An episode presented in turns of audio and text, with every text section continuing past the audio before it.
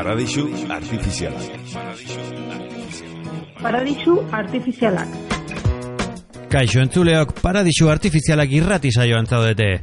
Drogen mundua murgiltzen den irrati saioa. Amabostean behin, zuengana hurbildu eta oraindik tabua den drogen gaia hitz egiteko espazioa. Orain arte bezala, irrati saio hau Eloi dela Aza ekoizpen muntailanetan eta nineu Mikel Zerezo zuzendaria aurkezteranetan dabilenaren artean eginikoa da. Paradisu artifizialak. Paradisu artifizialak.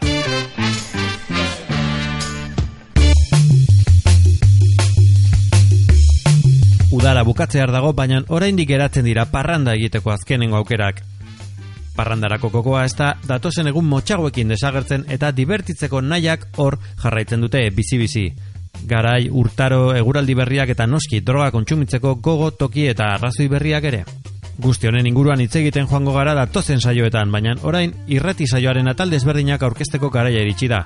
Azteko, munduan zehar eta inguruan drogekin zerrikusia duten berriak errepasatuko ditugu. Gero salantzarik gabe sekzioan, zuek bidalitako salantza eta galderak erantzuten saiatuko gara ikuspuntu objektibo batetik noski. Zalantzak bidali alizateko gure elbide elektronikoa errepikatuko dizuegu, paradisu artifizialak abildua gmail.com. Honen ostean, laborategiari paso emango diogu, gure gizartean, gure artean dauden droga desberdinak aurkezten ditugularik, hauen historioa, arriskuak, efektuak eta ondorioak hartuz. Sekzio honek, alik eta zabalera ondiena emateko ideia eta helburuarekin hizkuntza aldaketa egingo diogu, gaztelania eginez. Beraz, saioa asteragoaz, ongietorriak zaitezte gure paradisura. Paradisu artifizialak. Berria. Berriak. Euskaldunok alkola erosten gehien gastatzen dutenen artean. Ikasketa maila altuagoarekin, alkoldun edarietan eginiko gastua handitu egiten da. 2016 garren urteko jokoan alkohol eta tabakoan eginiko gastua ikerketan, Euskaldunak alkola erosten gasturik handiena daukaten irritarren artean asaltzen dira. Informean, unibertsitate mailako ikasketak dauzkaten pertsonak diru gehiago gastatzen dute alkoldun edariak erosten, formakuntza gutxiagokoak baino. Tabakoaren kontsumoan berriz, ugariagoa da derrigorrezko bigarren hezkuntzako lehenengo zikloko ikasketa maila dutenen artean. Unibertsitate mailakoen artean, maila gorengokoak larogeita meretzi euro gastatzen ditu bataz bestekoz. Lehenengo zikloko maila dutenak larogeita bat euro gastatzen ditu eta goi mailako formakuntza profesionalekoak irurogeita masei. Autonomia erkidegoei begiratuta, alkoldun edarietan gehien gastatu zutenak, balearrak izan ziren larogeita mairu eurorekin. Galizia, Katalunia, Asturias eta Euskadikoengatik jarraituta. Tabako kontsumoa aztertzerakoan, derrigorrezko bigarren eskuntzako lehenengo zikloko mailako pertsonek eunda irurogeita iru euro gastatzen ditu pertsona bakoitzeko. Autonomia erkodegoei begiratuta, tabakoan gehien gastatu zutenak gaztela mantxakoak izan ziren eunda irurogeita marrurekin, Murtziako, Estremadurako eta Andaluziako engatik jarraituta.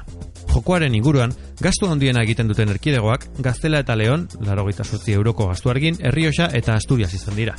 Azaldutako batazbesteko datuak, herrialde hauetako biztanle bakoitzeko kalkulatua izan da, kontutan izan gabe ikerketan neurtzen zen kontsumoa egiten zuten edo ez. Estatuko datuei begiratuta, 2008 garren urtean, biztanle bakoitzak irureunda berrogeita mairu euro tabakoan eta zazpireunda mar euro alkolean gastatu zituen, aurreko urteko euneko hogeia baino gehiago. Europa mailako datuekin konparatuta, alkohol kontsumoari begira gastu gehiengoa Txekiar Errepublika, Alemania, Rumania eta Irlandak egiten dute. Tabakoaren kontsumoaren inguruan berriz, Suezia, Islandia, Alemania eta Greziak egiten dute honen erabilpena handiena.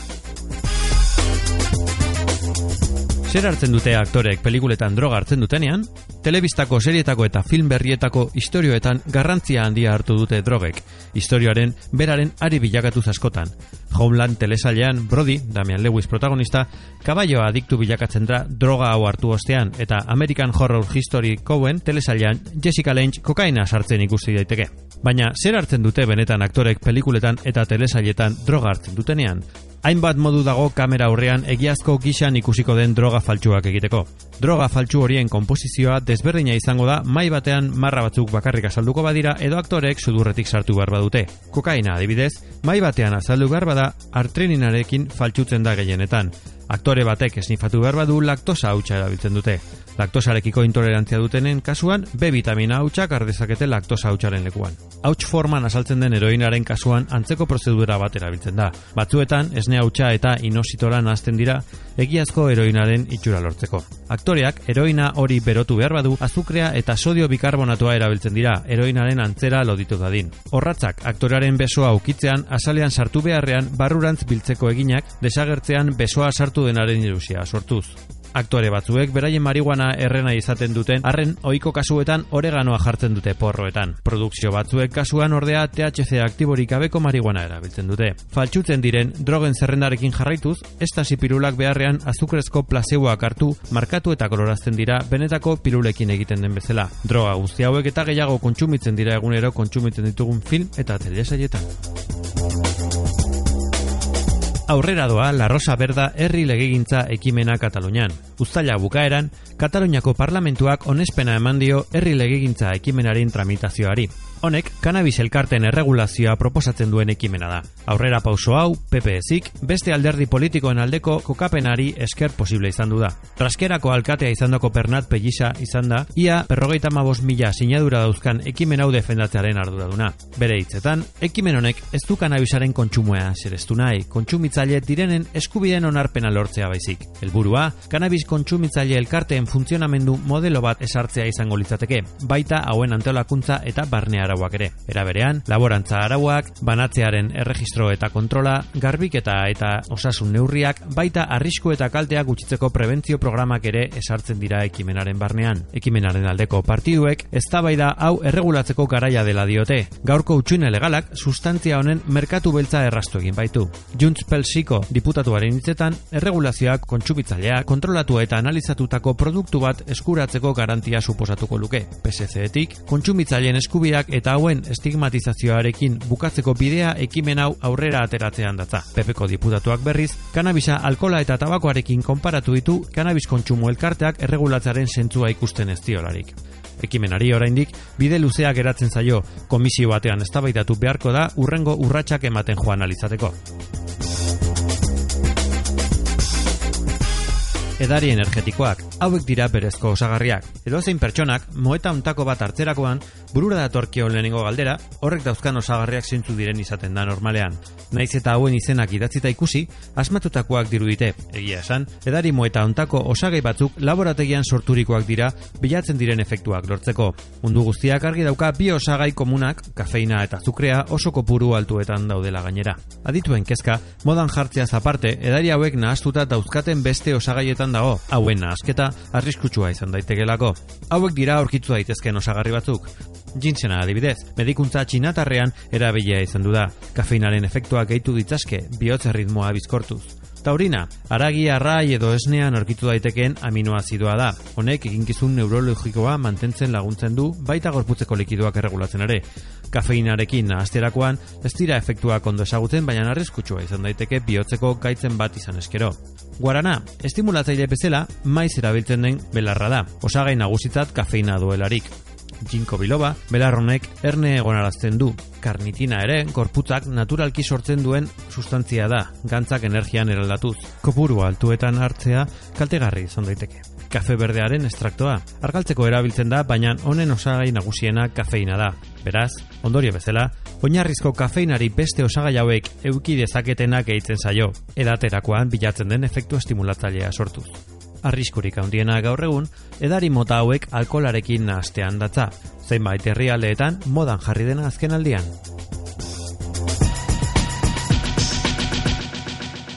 Paradisu artifizialak. Galaizi fitra uzi dara paradisu artifizialak. Galaizi fitra uzi dara Zalantza, paradisu dudak, galderak, kontsultak, nondi norakoak. Zalantzari gabe. Zalantzarik gabe dituriko tartean, galdera konkretu bati erantzuna eman beharrean, gaur, uda hontan Euskal Herriko festetan, nahi bainan ugariagoak izan diren sexu eraso eta zarituko gara. Hain zuzen ere, eraso hauek gertatzen diren tokiak eta hauek drogen kontsumoarekin daukaten erlazioaz. Nerea Martin Fernandez, UPV edo Euskal Herriko Unibertsitateko Gizarte Psikologia eta Portaera Zientzien Metodologia Saileko ikertzaileak sexu erasoak izan ohi diren gertalekuen ezaugarriak aztertu ditu. Bai eta erasotzailearen jokabidean eragin dezaketen alderdiak ere, egoerari eta inguruari lotuta. Ikerketa honetan, lortutako emaitzekin diseinu jarraibide batzuk esarri nahi ditu ikertzaileak irigune publikoak seguruagoak izan daitezen. Psikologian doktore eta kriminologian lizentziatua da Nerea Martin, eta berriki bukatu du bere doktorego tesia UPV-ko Psikologia Fakultateko Gizarte Psikologia eta Portaera Zientzien Metodologia Sailean. Lanaren izenburua, análisis del delito de agresión sexual desde una perspectiva ambiental, patrones espacio-temporales, conductas de movilidad del infractor y características del escenario del crimen ubicados en espacio público urbano. Gizartean alarma gehien sortzen duten delituetako bat da sexuerasoa, eta bereziki, larritzat jotzen da biktimari eragiten dizkion ondorio fisiko nahi psikologikoengatik, eremu publikoa erabiltzeko beldurra eta askatasun falta ere izaten dituzte emakumeek. Lan honen helburua izan da, Martinek azaldu bezala, sexu erasoaren jokabidea inguruneko faktoreek duten eragina sakonago ezagutzea. Horretarako, delitu hori dela eta Euskal Autonomiak erkidegoko provintzia auzitegietan bildutako kondena epai irmoak aztertu ditu, egoerari eta inguruari lotutako alderdiei erreparatuz. Hala nora, erasotzaileen erabakietan eragina izan dezaketenak, erasotzaileen mugimendu portaerak eta delituaren gertalekuaren ezaugarriak leku publikoetan gertatu direnean. Zenbait faktorek erasorako aukera errasten dute, eta haietaz baliatu ohi dira erasotzaileak. Inibitzaileak izan daitezkeen faktoreak berriz ez dira beti egoten. Alkola eta droga kontsumitzeak erasotzaileek izan ohi duten permisibitate uste okerra handitu lezake batzuetan, eta horrek desinibitzera eraman dezake. Festa handietan aukera gehiago dituzte biktimengana iristeko, eta biktimak ezagutzen ez dituzten lekuetan daude askotan, beren segurtasun espazioetatik urrun. Horregatik, ingurunearen prebentzia edo leku publikoen diseinua funtesko faktorea da horrelako jokabidei aurre hartzeko. Euskal Autonomia Erkidegoko leku publikoak aztertu ondoren, bi leku mota identifikatu ditu ikertzaileak. Alde batetik, ingurumen kalitate handikoak eta landare ugarikoak, horiek izan dira erabilienak erasoek egiteko, eta bestetik, ingurumen kalitate txikiko eta landare gutxiko lekuak.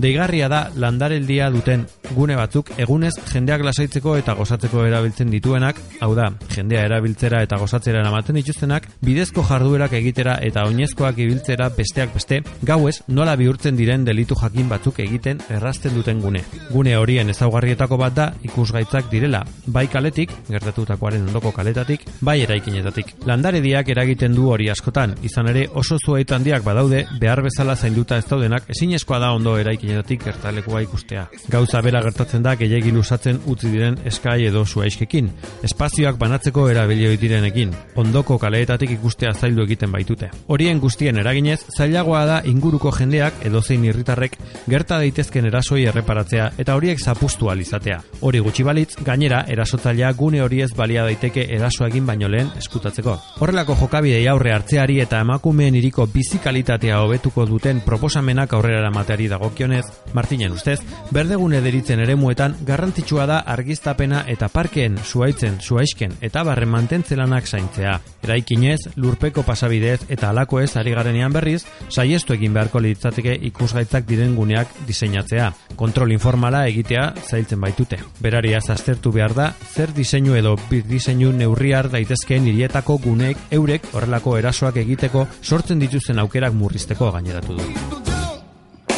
Ikertzaileek azaldu duenez, lortutako emaitzetatik zenbait ikerketa lerro sortu dira, eta lerro horietan aurrera egin ahala, hiri segurtasuna handituz joango da, gune publikoak diseinatuz eta kudeatuz, baita horrelako delituak astertuz ere. Hori dela eta, gure oraingo helburua da, dio, ikerketa nazio osora zabaltzea, ikusteko Euskal Autonomia Erkidegoan lortutako datuek bat egiten ote duten beste leku batzuetakoekin, eta orduan, ekin diseinu edo birdiseinu estrategiak proposatzeari, hirigune publikoak ziurragoak izan daitezen eta emakumeak askatasun osoz mugitu ahal izan daitezen hirietatik. Dudarik gabe, eraso hauek gizarte oroaren ardura dira, eta denek parte hartu behar dugu honen konponbidean. Erasoak eragotziz, arduradunak atxilotu zigortu edo tratamenduan jarri, eta batez ere gizarte eskuntzatik lanean gogor jarraituz. Urrengo saioari begira, zuen zalantzak eta galderak, beti bezala, beldurri gabe, gure posta elektronikora bidali mesedez. Paradisu artifizialak abildua gmail.com.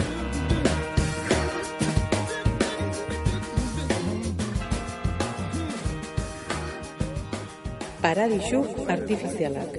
Bagoaz gure laborategian sartzera sustantzi konkretuetaz hitz egiten dugun tokira. Gaur, Lehen hausnartutako berri batekin hildora datorren sustantzia baten inguruan hitz egingo dugu, kafeina. Gure egunerokotasunean oso barneratuta eta normalizatua dagoen sustantzia da. Orain, edari eta freskagarri energetikoetan aurkitu dezakegu. Laborategia.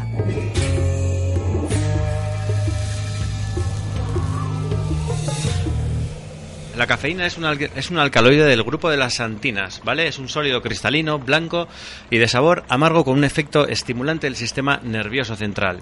Por mucho que la gente no lo crea, la cafeína se encuentra en muchas clases de plantas, donde en algunas de ellas mm, actúa como pesticida natural, para que los insectos y demás no puedan atacar a la planta. Nosotros nos lo tomamos y en los humanos produce un efecto temporal de restauración del nivel de alerta y eliminación de la somnolencia, presente en el café, el té, el chocolate, sí señoras y señores, el chocolate, el mate y el guaraná. Los humanos han consumido cafeína desde la edad de piedra. Los pueblos antiguos descubrieron que masticar la corteza y hojas de ciertas plantas tenía el efecto de aliviar la fatiga, estimular el estado de alerta y elevar el ánimo. Solo mucho después se descubrió que el efecto de la cafeína se incrementaba al remojar tales plantas en agua caliente. Estas culturas atribuyen el descubrimiento de tales plantas a los ancestros de sus leyendas. Tanto la nuez de cola como el fruto del café y la hoja del té tienen orígenes antiguos. Es masticada en varias culturas africanas occidentales, de forma individual o en actos sociales, para restaurar la vitalidad y aplicar la sensación de hambre. La historia del café ha sido registrada desde el siglo IX. En esa época, los granos de café solo estaban disponibles en el hábitat natural de la planta, Etiopía. Eh, a lo largo de la historia he tenido diferentes usos. Mm, así como con otras sustancias hemos hablado de que tenían un uso más medicinal o terapéutico, el café o el té o el chocolate, el mate y otro tipo de sustancias, más que nada tenían un uso lúdico recreativo, es decir, el simple hecho de, más que nada, un uso social, de juntarse la gente para tomar un café y tal y cual. Eh, tenemos que hablar de diferentes productos, como ya he dicho al principio. La cafeína no solo existe como, como un alcaloide de las antinas, no solo existe en el café, también en el té, que también es conocido como teína, en los granos de chocolate, etcétera. Entonces voy a ir por cada uno de ellos un poquito, ¿vale?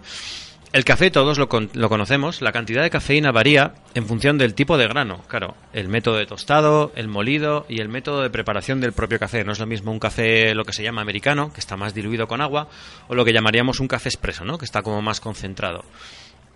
Todos sabemos cómo se prepara un café, que sería el grano tostado y molido, mezclado con agua hirviendo y filtrado.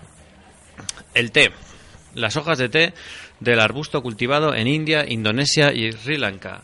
Hay dos tipos de té, el que llamaríamos té verde y té negro. La diferencia entre uno y el otro es que en uno simplemente la hoja seca se mezcla con agua y en el otro la hoja una vez secada se deja fermentar y va cogiendo como un color oscuro y tal y cual. Otro sabor diferente.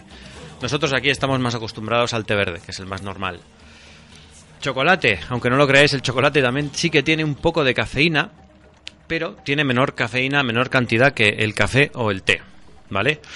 Luego entraríamos ya en lo que diríamos bebidas o otro tipo de sustancias que tienen ya eh, a, los que le han sumado esa cafeína, como serían las bebidas gaseosas o las bebidas energéticas, ¿vale? Las bebidas gaseosas, tal como la que todos conocemos, no voy a decir la marca, tiene una menor concentración de cafeína que, por ejemplo, una taza de café, ¿vale? Para que nos hagamos la idea. Y las bebidas energéticas, las que todo el mundo también conoce, normalmente suelen tener el doble de cafeína que las bebidas gaseosas, ¿vale? Para hacernos a la idea.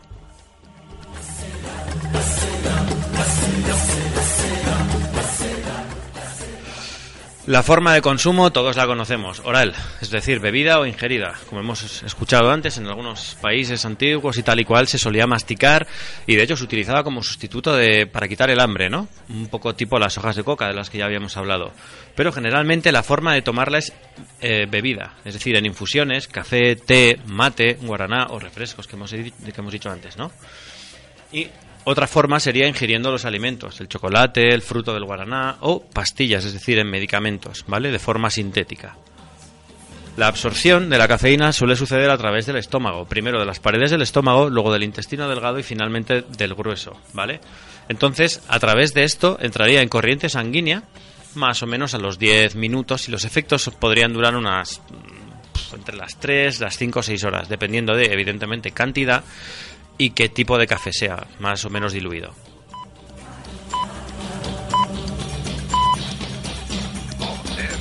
Este café es una pasada, tío. Benson y yo nos hubiésemos conformado con cualquier café instantáneo. Y va y nos saca este líquido de gourmet sin dudarlo. ¿Qué aroma es este?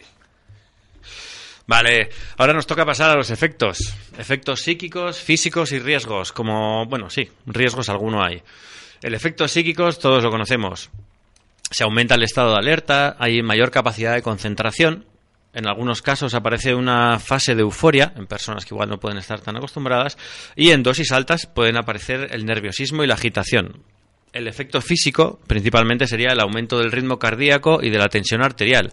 Por eso a veces los médicos no suelen recomendar a personas con, con cierta tensión que tomen mucho café, ¿vale? Con los, los que tienen la tensión alta.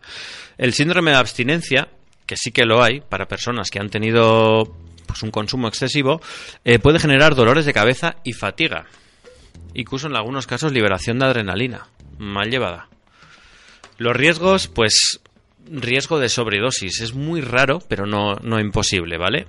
También existe el envenenamiento por cafeína. Y esto nos generaría eh, temblores, náuseas, vómitos, un ritmo cardíaco irregular e incluso a veces hasta confusión, ¿vale?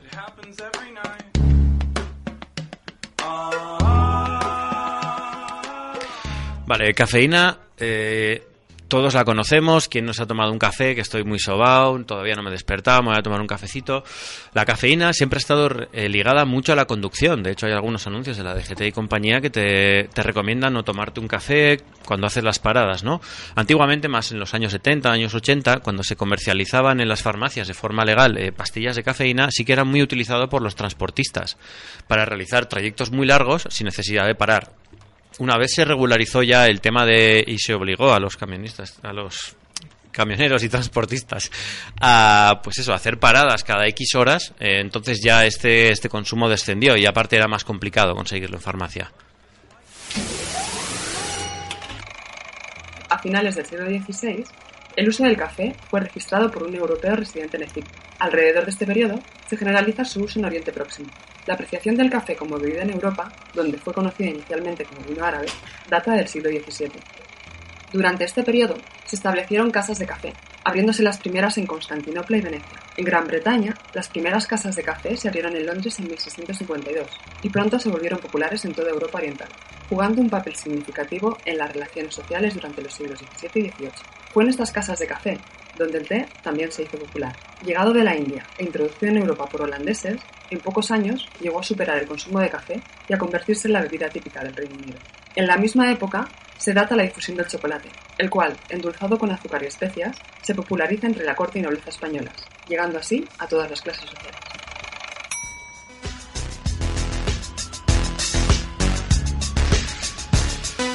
Bueno, entonces, un poco englobando lo que estábamos hablando de cafeína como droga legal, eh, aquí tendríamos que hablar o dejar claro, ¿no? Que lo que comentaba antes de que el café expreso contiene más cantidad que un café normal, ¿vale?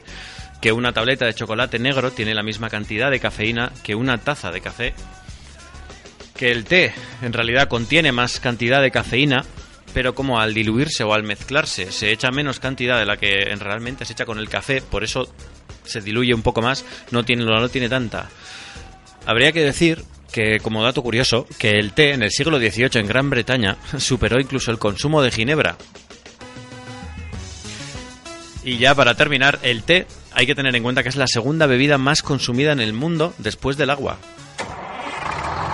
Ahora que se ha puesto, que lleva unos añitos de moda, el tema de mezclar em, bebidas energizantes de estas que le llaman con alcohol, sí que me gustaría comentar que hay un pequeño riesgo en esta mezcla porque el alcohol como ya hablamos en uno de los programas anteriores, el alcohol sí que tiene al inicio un, efecto euforizante, pero luego empieza a convertirse en algo depresor, ¿no? Cuando ya llevas unas cuantas copas empieza a bajar un poco todo.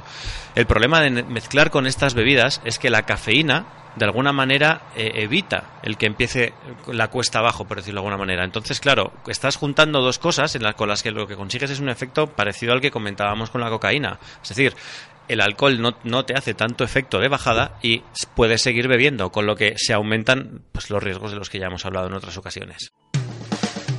Como siempre, al final de cada programa me gustaría recomendaros una canción. Es un poco noventera, pero bueno, a mí me gusta que es la de Coffee and TV de Blue, que habla un poquito de, pues eso, de para qué se utiliza el café. Venga, un saludo, nos vemos chicos.